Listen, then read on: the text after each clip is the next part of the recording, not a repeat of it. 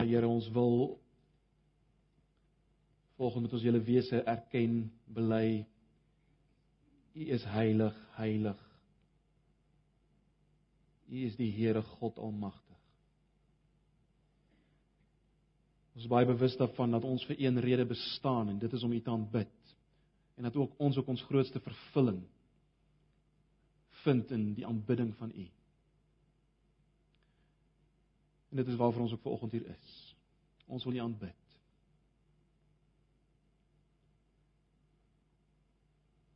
Hier ons gebed is regtig dat U ons al meer bewus sal maak van U grootheid, U majesteit, U heerskappy.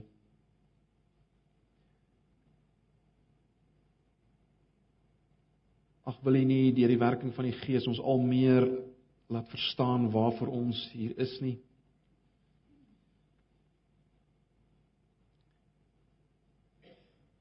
Sodat ons al meer Here ons prioriteite kan regkry. Sodat ons ons nie self meer sal besig hou met allerlei beselagtige ere nie. Maar ons een ding sal najag en dit is om U te ken.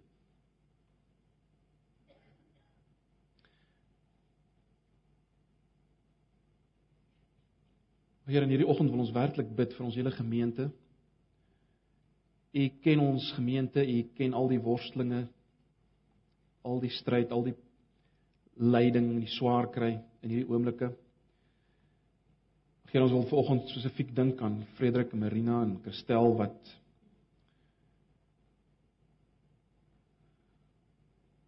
vandag daar by die kus is om 'n gedenksbankie op terug vir Kobus. Ag Here, wat dit 'n moeilike tyd is vir hulle. Tyd van hartseer. Ag ons wil maar net vra dat U baie naby aan hulle sal wees, dat U hulle sal werklik innerlik sal versterk, sal vertroos. Hulle sal help om perspektief te behou, om deur te kyk. Asseblief. Wees baie na aan hulle. Here ons bid vir al die ander in ons gemeente wat wat swaar kry en siek is. Baie wat worstel met dinge waarvan ons nie eens weet nie. Here dan wil ons ook spesifiek bid vir Johan Danhauser waarvan ons gehoor het dat hy daar in Nigerië uh 'n probleemsituasie is, bietjie vasgevang is en nie kan uitkom nie. Ag Here, ons weet nie presies wat daar aangaan nie, maar ons wil werklik bid dat U daar sal onderneem. Baie naby aan hom sal wees. Asseblief. Ag Here, dan wil ons spesifiek ook net bid vir Mike en Tannie Hilda wat hierdie week weer sal teruggaan na die Noord-Kaap om te gaan sendingwerk doen.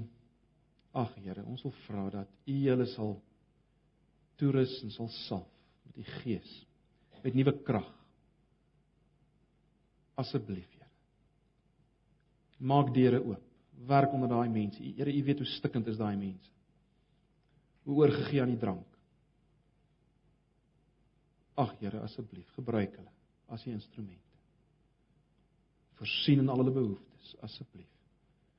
Ons vra dit in u naam, Here. En nou Here, kom ons na u toe en ons pleit dat u nou u woord sal gebruik om met ons te praat. Open ons ore, open ons verstand, beweeg ons wil asseblief. Ons vra dit in Jesus se naam. Amen.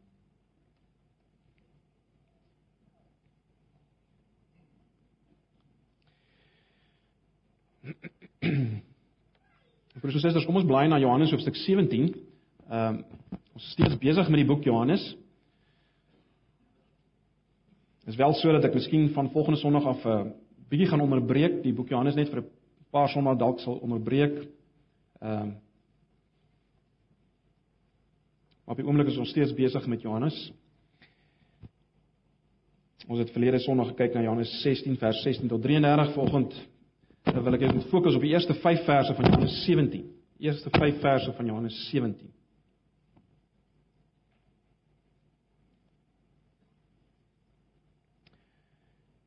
Johannes 17, die eerste 5 verse, kom ek lees maar die 83 vertaling.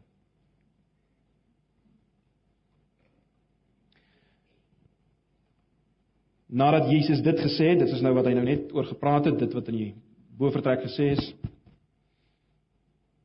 Nadat Jesus dit gesê het, het hy na die hemel toe opgekyk en gesê: "Vader, die tyd het gekom of letterlik die uur het gekom. Verheerlik u seun sodat die seun u kan verheerlik. U het hom immers die volmag oor die hele mensdom gegee om aan almal wat u hom gegee het, die ewige lewe te gee. En dit is die ewige lewe. Dat hulle u ken, die enigste ware God en Jesus Christus wat deur u gestuur is. Ek het u op aarde verheerlik deur die werk te volbring wat U my gegee het om te doen. Verheerlik U my nou ook by U Vader met die heerlikheid wat ek by U gehad het voordat die wêreld bestaan het. Dis net tot tot sover net die eerste 5 verse. Nou Broers en susters, verlede Sondag het ons in die hand van eh, Johannes 16 vers 16 tot 33 gesien dat as Jesus vir ons 'n nuwejaarsboodskap sou moes gee uh vir die jaar uh dan sou dit iets wees in die lyn van weet jy hoe krap hierdie klank so hier by my.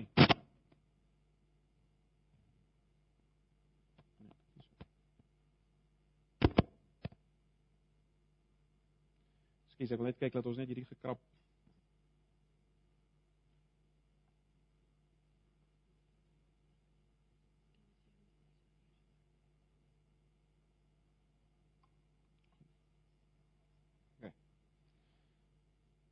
Ek moet net baie meer moet stil staan.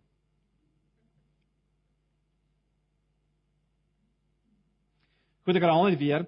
Ons het mekaar gesê in die lig van Johannes 16 vers 16 tot 33 dat as Jesus uh vir ons 'n nuwejaarsboodskap sou moes gee, dan kan ons in die lig van daai gedeelte sê dit sou iets wees in in hierdie lyn.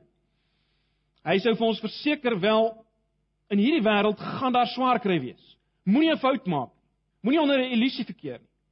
Julle gaan julle gaan swaar kry. Daar gaan swaar dinge gebeur. Ook in 2012. Maar hou goeie moed, ek het die wêreld oorwin. En juist daarom kan die wêreld in die finale sin julle nie skade aandoen. Die wêreld kan nie die lewe wat julle het van julle wegneem. Die wêreld kan julle nie verwyder van my nie. Die wêreld kan in die finale sin nie as ek dit so kan stel julle aanraak, julle vernietig nie. Om die waarheid te sê, ons het vir mekaar gesê dat juis hierdie dinge, hierdie teenkanting en swaar kry in die wêreld, juis omdat Jesus oorwin het, word dit in die hand van Jesus instrumente om ons meer bewus te maak van die Vader se liefde waarna ons gekyk het verlede Sondag, die Vader se liefde. Dit sal ons juis ook dryf na gebed en deur daardie gebed sal ons 'n volkomme blydskap beleef. Dis wat Jesus sê dan vers 24 van van hoofstuk 16. So dis waarna ons gekyk het. Nou vir oggend uh sluit ons as te ware daarbey aan en en en ek hoop ons kan nog iets nog dieper verstaan van van wat die jaar vir ons inhou en hoe ons uh, in hierdie in die lig daarvan in hierdie in hierdie jaar moet leef. Nou Johannes 17 sal julle weet is 'n gebed. Johannes 17 is 'n gebed. As mens dit wil verdeel, dan kan jy sê die eerste 5 verse In die eerste 5 verse bid Jesus spesifiek vir homself en in uh, vers 6 tot 19 bid hy meer vir sy volgelinge. En ek wil hê ons moet kyk na hierdie eerste 5 verse spesifiek vanoggend. Uh want ek dink dis ontsaglik belangrik uh vir ons in in hierdie jaar wat voorlê. Nou onthou onmiddellik as ons kyk na hierdie gebed, onthou Jesus bid hierdie gebed hardop. Nee. Hy bid hierdie gebed hardop sodat sy disippels dit kan hoor. Hoekom? Wel ek dink die rede daarvoor is dat Jesus wil juis sy disippels sy onmiddellike disippels en sy disippels van alle tye, hy wil hulle juis deur dit wat hy nou gaan bid bemoedig vir dit wat voor lê in hierdie wêreld waar hulle gaan swaar kry. Dit aan die een kant. Hy wil hulle bemoedig en aan die ander kant wil hy as te ware vir hulle wys hoe hulle kan en moet bid in hierdie wêreld waar hulle gaan swaar kry. Onthou nou in hoofstuk 16 vers 24 was daar sprake van die blydskap wat gaan kom deur gebed. Né? Nee. En nou kom Jesus as te ware hier en hy gaan as te ware sê hoe lyk sulke gebed? Hoe lyk gebed in swaar kry wat lei tot vreugde. Hoe lyk dit? En baie belangrik, in dit alles gaan hy ook vir hulle aanduiding gee van wat dit beteken om God te verheerlik. Frase wat ons almal baie gebruik. Jesus gaan vir hulle 'n aanduiding gee hier wat dit beteken om God te verheerlik. Iets wat ons net moet onthou, iets wat ons moet onthou as ons eh, besig is hiermee. Ons moet onthou of laat ek dit so stel, ek dink ons onderskat die verhouding waarin ons staan as gevolg van Jesus se werk, die verhouding waarin ons staan met die Vader. En die eenheid tussen ons en Jesus. Ek dink ons onderskat dit en dit is belangrik om dit te besef as ons kyk na hierdie gebed. Net baie vinnig. Uh kyk net vinnig na vers 23, die uitspraak wat Jesus daar maak. Vers 23 van Johannes 7. Ek in hulle en u in my sodat hulle volkome een kan wees sodat die wêreld kan weet dat U my gestuur het en hulle liefhet net soos U my liefhet. Net soos U my liefhet.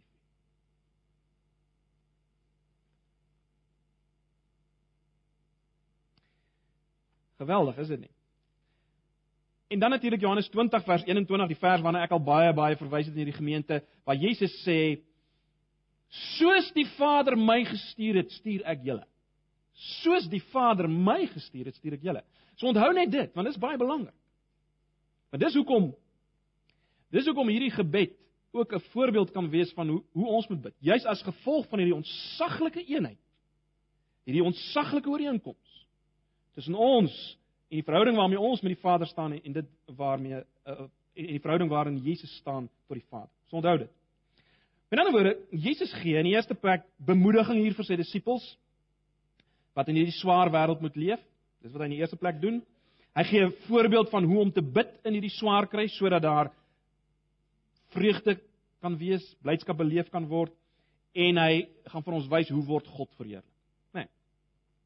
So die drie dinge wat wat jy vanoggend moet moet hoor, moet leer het hiermee te maak, né? Nee. In die eerste plek, wat sê Jesus se gebed uh oor hom en wat sê dit oor my sekerheid van verlossing en my sekerheid van heiligmaking, né? Nee, dis die bemoediging. Dis die eerste ding wat jy moet hoor volgens. Die tweede ding wat jy moet hoor is hoe bid ek as my lewe ontwrig word deur allerlei teenkanting en swaar kry, moeilikheid. Hoe bid ek in sulke tye sodat daar vreugde kan wees in my lewe? En dan in die derde plek, hoe verheerlik ek God? Hoe verheerlik ek God en hoe gaan ek God verheerlik in 2012? as wat gebeur. So dis waarna toe ons gaan. So ja, onthou nou, aan die een kant Jesus se gebed uniek, dit wat hy doen uniek, maar aan die ander kant ook 'n voorbeeld vir ons. Maar kom ons staan nou nader aan hierdie gebed. En broers en susters, ek weet nie van julle nie, maar as mens besig is met hierdie gebed, dan voel jy jy staan op heilige grond. Hier's iets ontsagliks. Dis ontsagliks. Jesus wat besig is om te bid. Die eerste 3 verse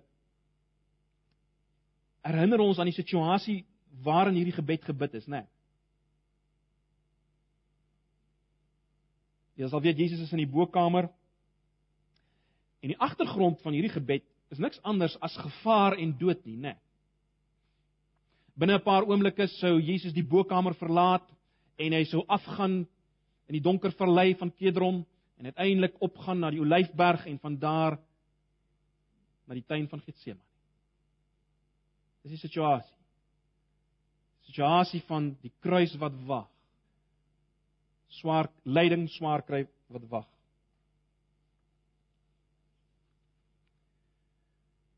So dit is belangrik om dit te verstaan. Hy staar met ander woorde die skadu van die kruis in die gesig as hy hierdie gebed bid.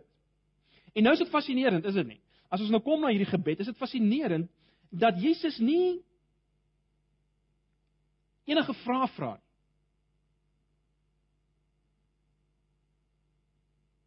Hy bid ook nie vir hulp in hierdie oomblik nie. Vra nie vra nie en hy bid nie vir hulp nie. Vra nie hoekom nie en hy bid nie vir hulp nie. Hy bid met 'n kragtige bewustheid van die geleentheid of van 'n geleentheid waarvoor hy gewag het. Nee, dis dis baie duidelik. Dit sien ons sommer so op die oppervlak. Daar's 'n verwagting van 'n geleentheid waarvoor hy gewag het. Kyk net weer na vers 1a. Kyk net na vers 1a. Nadat Jesus dit gesê het, het hy na die hemel toe opgekyk en gesê: "Vader, die tyd of meer letterlik, die uur het gekom." Nou, dwars deur die evangelie van Johannes het ons al te doen gehad met hierdie tyd of hierdie uur, né? Nee, ons ons het ook al daaroor gepraat. Ehm uh, weer en weer het Jesus gesê, "My tyd het nog nie gekom nie." Mens dink maar byvoorbeeld aan die geleentheid toe hy die uh, water in wyn verander het, "My tyd het nog nie gekom nie."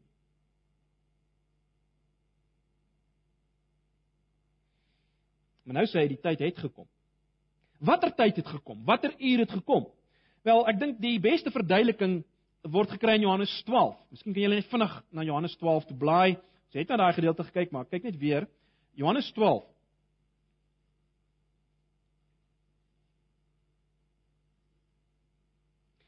Nou in vers 23 van Johannes 12 kry ons die enigste ander geleentheid in Johannes Evangelie waar Jesus ook sê die uur het gekom. Letterlik staan daar die tyd het gekom of die uur het gekom dat die seun van die mens verheerlik moet word. sien julle dit in vers 23 van Johannes 12? En dan in vers 24 sê Jesus nou, wat is dit? Waaroor gaan dit? Hy verduidelik dit, né? Nee, sien julle dit? Vers 24. Dit verseker ek julle, as 'n koringkorrel nie in die grond val en sterwe nie, bly hy net een, maar as hy sterwe, bring hy groot oes in. So wat bedoel Jesus as hy sê die uur het nog nie gekom nie? Wel, Dit beteken die werk van Jesus, dit waarvoor hy gekom het, kon nog nie voltooi word sonder hierdie beginsel van dood nie. Alles wat hy gedoen het sou tot niks kom as hy nie gesterf het nie. Net as hy sterf, kom hy dit wat hy is as te ware reproduseer. Soos 'n koringkorrel wat net kan reproduseer, kan meer word iets kan voortbring as dit sterf. In ander woorde, as hy sou vashou aan sy aardse lewe, sou daar geen vrug kom nie. En Jesus was bewus nou het die tyd gekom wat die koringkorrel gaan sterf en nou gaan daar iets gebeur. Nou sal ander ook kan kry dit wat hy is en wat hy het. Die uur het nou gekom. Kom ons kyk nou na vers 1b tot vers 2.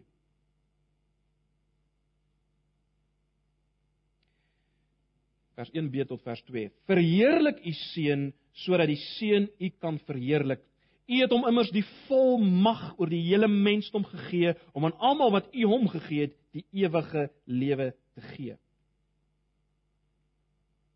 Nou by verskeie geleenthede in Johannes Evangelie sal julle weet uh het Jesus iets van God se heerlikheid gewys. Ons dink aan Johannes 1 vers 14. Uh ons het sy heerlikheid aanskou, sê Johannes, die heerlikheid van die enige gebore seun van God. Ons weet in vers 18 van Johannes 1 sê Johannes, niemand het God ooit gesien nie. Sy seun wat die naaste aan hom was, het hom kom wys aan die wêreld.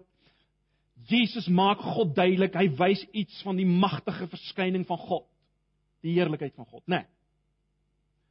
Dwars deur deur sy lewe doen hy dit en alles wat hy doen, die wonders wat hy doen eh, ensovoorts. Uh net waar by die bruilof die eerste keer sien ons dit raak, né? Nee. Maar baie belangrik. Die uiteindelike finale sigbaar maak van God sou plaasvind aan die kruis.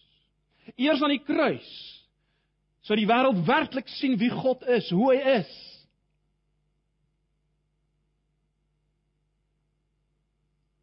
En dis waarvan Jesus nou praat. Die verheerliking wat gaan plaasvind aan die kruis.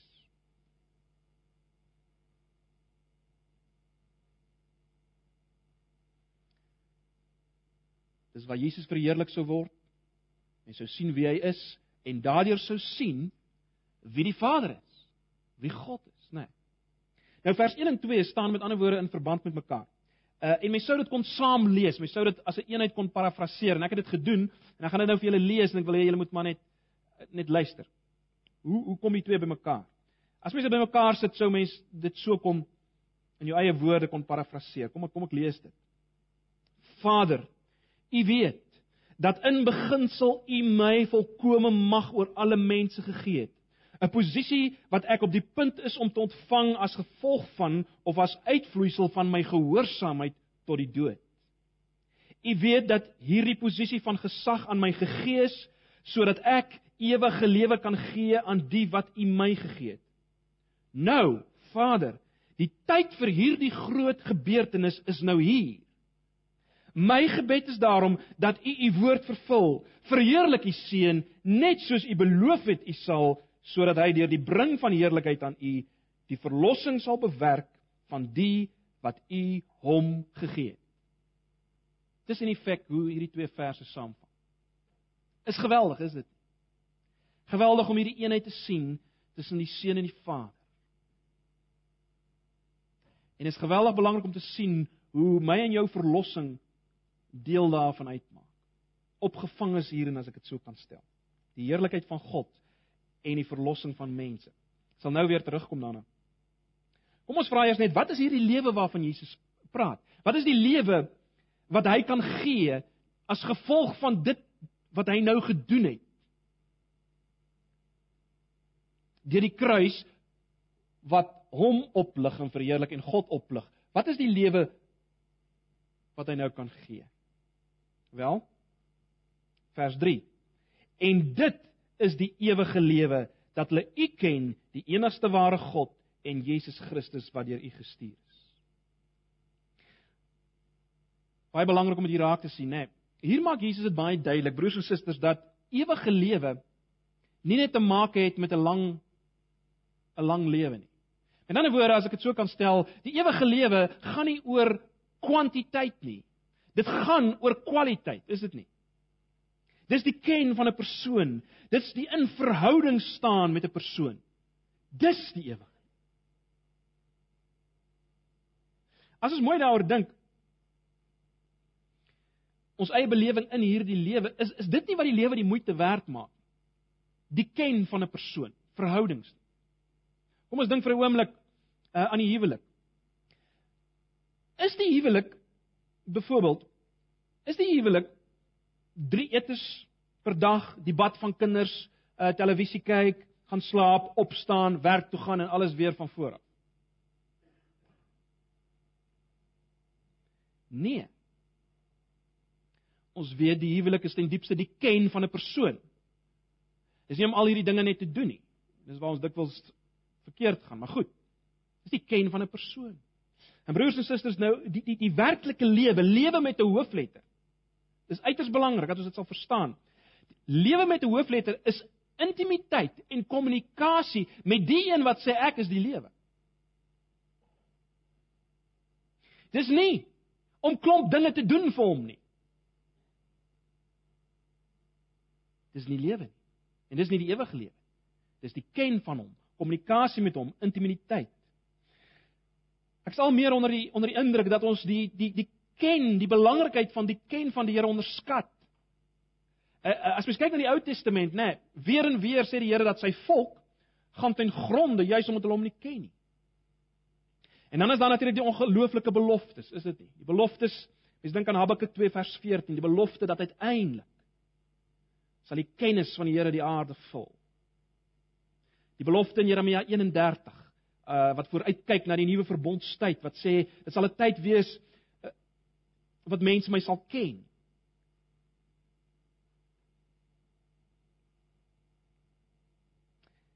En nou Wat ons in hierdie gebed sien is dit alles waarvoor Jesus gekom het, alles wat hy op aarde gedoen het, elke aanraking, elke genesing, elke gesprek, alles wat hy gelei het en uiteindelik wat hy aan die kruis gelei het, het een doel gehad en dit is sodat mense God kan ken en natuurlik vir hom wat God kom sigbaar voorstel, wat een is met die Vader. Dis waarvoor hy gekom het. Om hierdie kennis te bring. Kom ons kyk dan vers 4. Ek het let op die woorde wat gebruik word in die tyds eh, tydsaspek. Ek het u op aarde verheerlik deur die werk te volbring wat u my gegee het om te doen.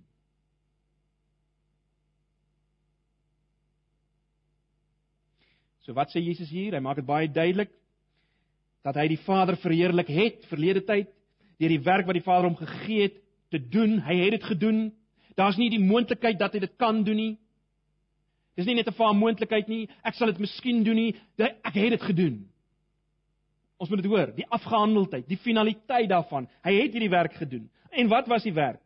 Wel, ons het dit nou vir mekaar gesê.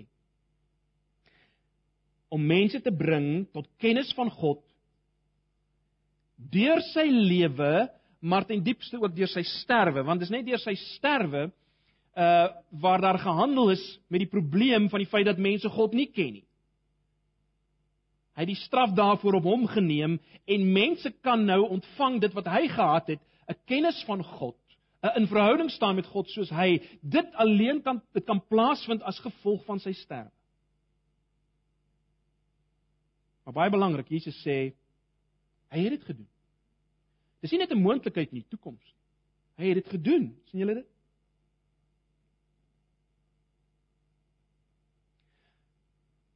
Hy het volmag om dit te doen. sien julle dit? Hy het die mag, hy het die volmag. Die volmag is vir hom gegee om dit te doen. En dan in vers 5, kom ons lees net vers 5. Verheerlik u my nou ook by u Vader met die heerlikheid wat ek by u gehad het voordat die wêreld bestaan het. Dit is amper asof asof Jesus met respek gesê het, "My Vader nou beveel om vir hom weer te gee dit wat hy gehad het by die Vader voordat hy gekom het, daardie daardie heerlikheid, daardie ken van God en intimiteit uh omdat hy nou hierdie werk klaar gemaak het.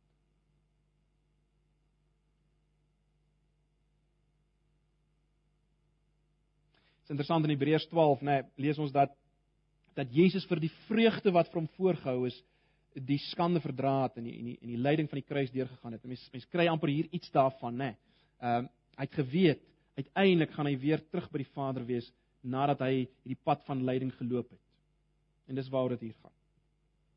Maar goed, broers en susters, ons het nou gekyk na die gebed wat Jesus vir homself bid. En ek het vir julle gesê in die eerste plek bid hy dit om ons te bemoedig vir my en jou in in 2012 te bemoedig. So, wat sê Jesus se gebed vir ons oor hom en en en hoe bemoedig dit ons? Hoe gee dit vir ons sekerheid van verlossing en sekerheid van heiligmaking? Hoe bemoedig dit ons? Dis die eerste ding wat ons moet raak.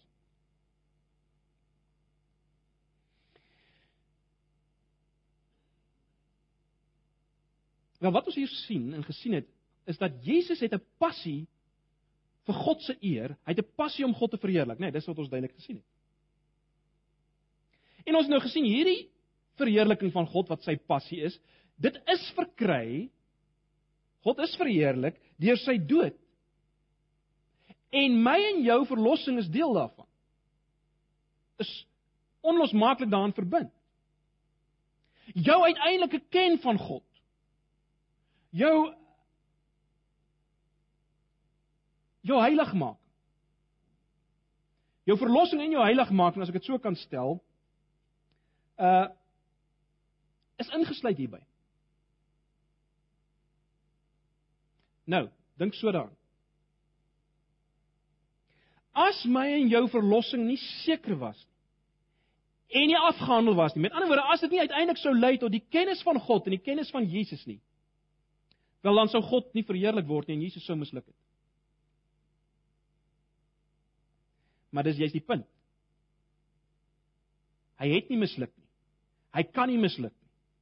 Aan hom is alle mag gegee om jou te verlos en te bring tot kennis van God en van Jesus en niks kan maak en sal maak dat hy dit nie gaan doen nie. Dis wat ons moet raak sien, né? Nee. Hoekom nie? Want dan kom sy verheerliking en God se verheerliking kom in die gedrang. Ons moet dit raak sien. Ek hoop julle sien die punt broers en susters. Snap julle dit? Die vaste grond vir my verlossing en jou verlossing, die vaste grond is nie ons getrouheid nie en ons prestasie nie. Hier is die vaste grond. Jesus se passie vir God se eer.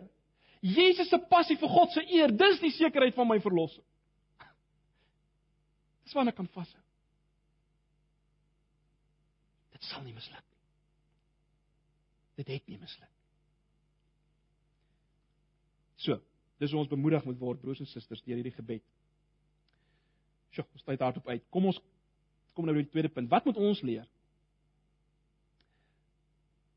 Van ons reaksie, ons het nou gesien die eenheid tussen ons en Jesus. Wat moet ons leer van ons reaksie of dan spesifiek ons gebed in tye van swaar kry? Gebed wat vreugde bring. Wel dit. Kom ek stel dit so. In hierdie jaar en die jare wat voorlê, in klein dinge en in groot dinge sal daar tye kom waarvan ons sal sê soos Jesus, Vader, die tyd het nou gekom waar ek 'n keuse moet maak. 'n Keuse of ek gaan voortgaan met my lewe van selfgesentreerdheid om te leef net vir myself soos ek nog altyd geleef het. En of ek bereid is om dit te laat gaan in oënskynlike dood sodat daar iets ontsagliks daaruit kan voortkom wat U gaan verheerlik.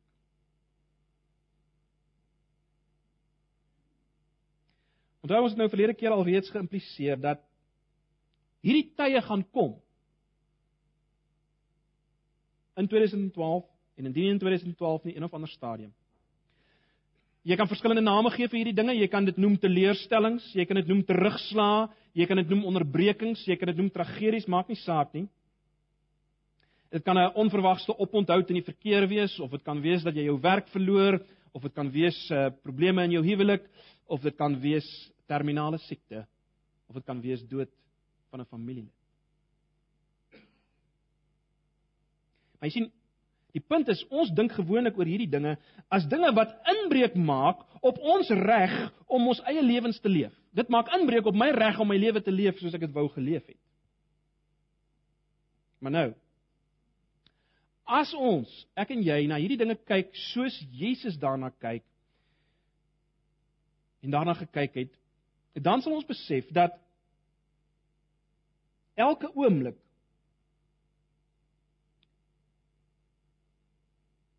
elkeen van hierdie oomblikke waarna ons nou verwys het is 'n tyd van geweldige moontlikheid. Né? Nee. Dis 'n tyd van moontlikheid. Waar die Here deur ons ander kan seën en ons gebruik tot diens. Jy sien as ons dit so sien, in plaas daarvan ek verloor nou iets. Ek kan nie meer doen wat ek wil nie. As ons dit as ons anders daarna kyk en sê Vader, dis 'n tyd wat U kan gebruik om U te verheerlik en verander alles. Baie prakties. In ander woorde, wat moet ons in die lig hiervan, wat behoort ons eerste reaksie te wees as dinge verkeerd loop in hierdie jaar? Ons eerste reaksie moenie 'n 'n wrimmelwip wees nie, né? Nee. Ek kan myself uitwerk wat dit is in Engels. Nee. Die eerste reaksie moet nie wees, ag vat dit net van my weg nie. Ons eerste reaksie in ons gebed in sulke tye moet wees: Vader, verheerlik U self. Gebruik hierdie ding nou gebeur het wat ek nie verstaan nie, swaar is. Gebruik dit sodat ek tot nuwe kennis van U kan kom en mense deur my en deur hierdie situasie. Gebruik my.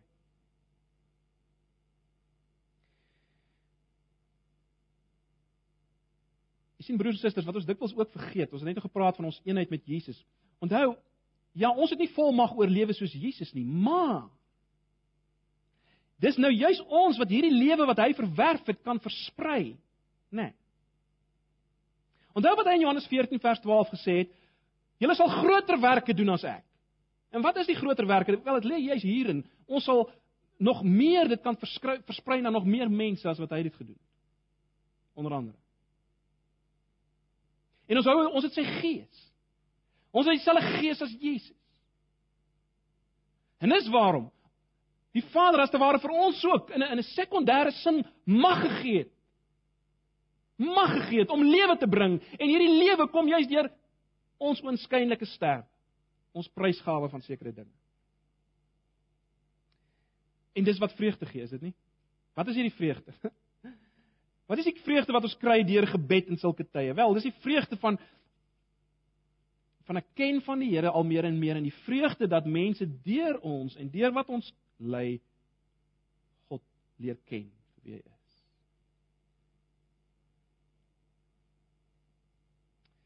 Nou baie vinnig. Hoe verheerlik ek God? En hoe gaan ek God verheerlik in 2012? Wel, iets wat ons moet raak sien En dit wat Jesus hier in vers 4 sê is dit. Jesus het God verheerlik. Dis baie duidelik deur God se agenda uit te voer, né? Nee. En elke ding wat Jesus gedoen het, van sy geboorte tot sy sterwe, was hy besig met God se agenda. En ons het nou reeds mekaar gesê Jesus sê in Johannes 20 vers 21 soos die Vader my gestuur het, stuur ek julle. So nou. Net 'n paar lospunte rondom hierdie saak, broers en susters.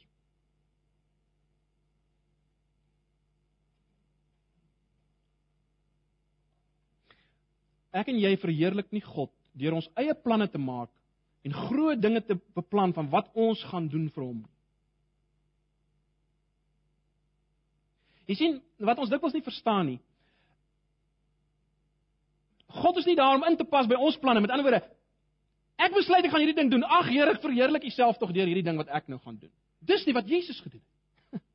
Dis nie wat ons moet doen nie. Jy sien, ons moet inpas by sy planne. Hy het planne en hy gaan ons gebruik om hom te verheerlik. Ons gebruik hom nie. Jy sien on, on, ons dikwels sê ons Here, ek gaan nou dit nou doen. Verheerlik U self, maar eintlik gaan dit oor my eie reputasie.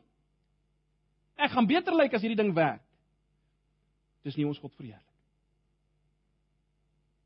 So dis die eerste punt wat ons net moet onthou. Ek ek, uh, ek ek noem dit net lospunte. Die tweede ding wat ons moet onthou is dit.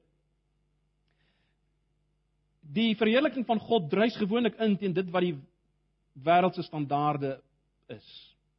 En selfs binne die kerk van die dag. Dis is wat dit was nie geval met Jesus nê. Nee. Dit pas nooit mooi in by die wêreldse skemas nie. Dit dryf daarteen in.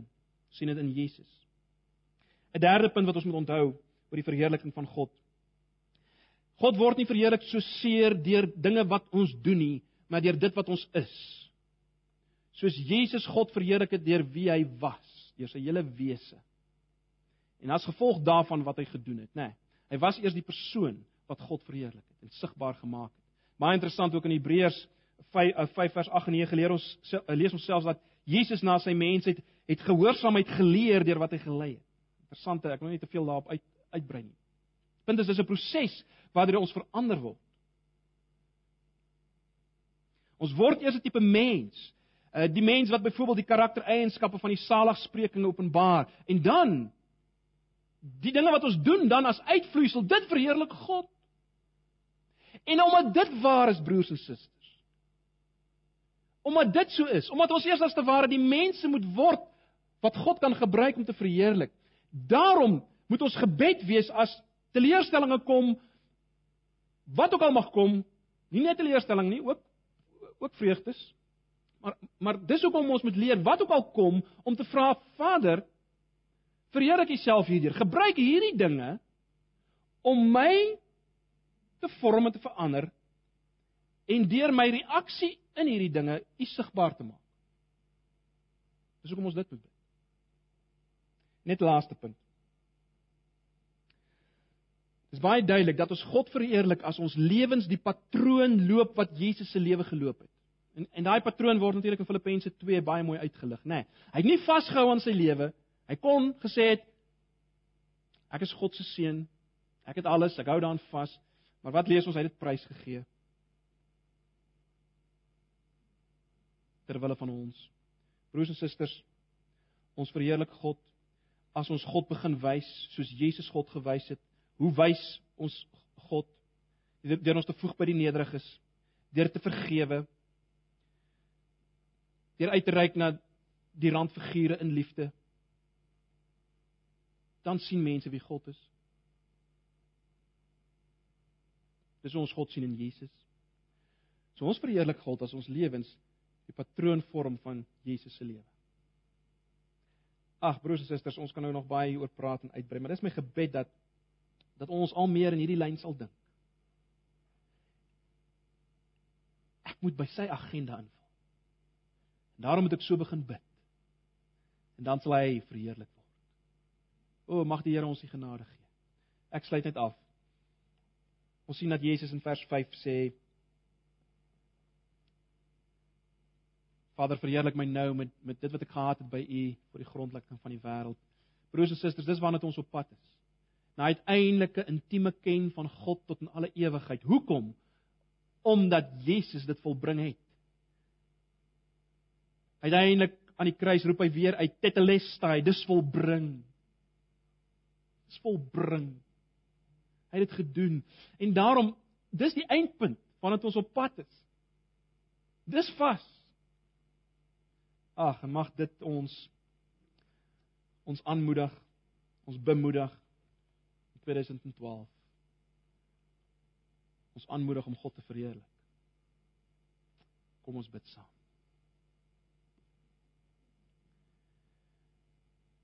Vader, U het nou hierdie gebede gehoor.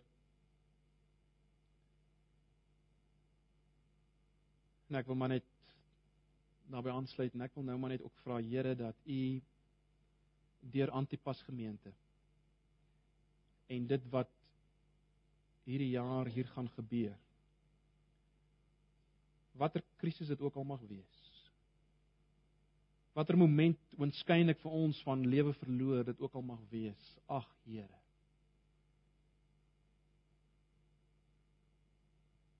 Dat U dit sal gebruik om ons en ander te bring tot kennis van U. Want dit is die lewe. Ons pleit dit van U in Jesus se naam. Amen.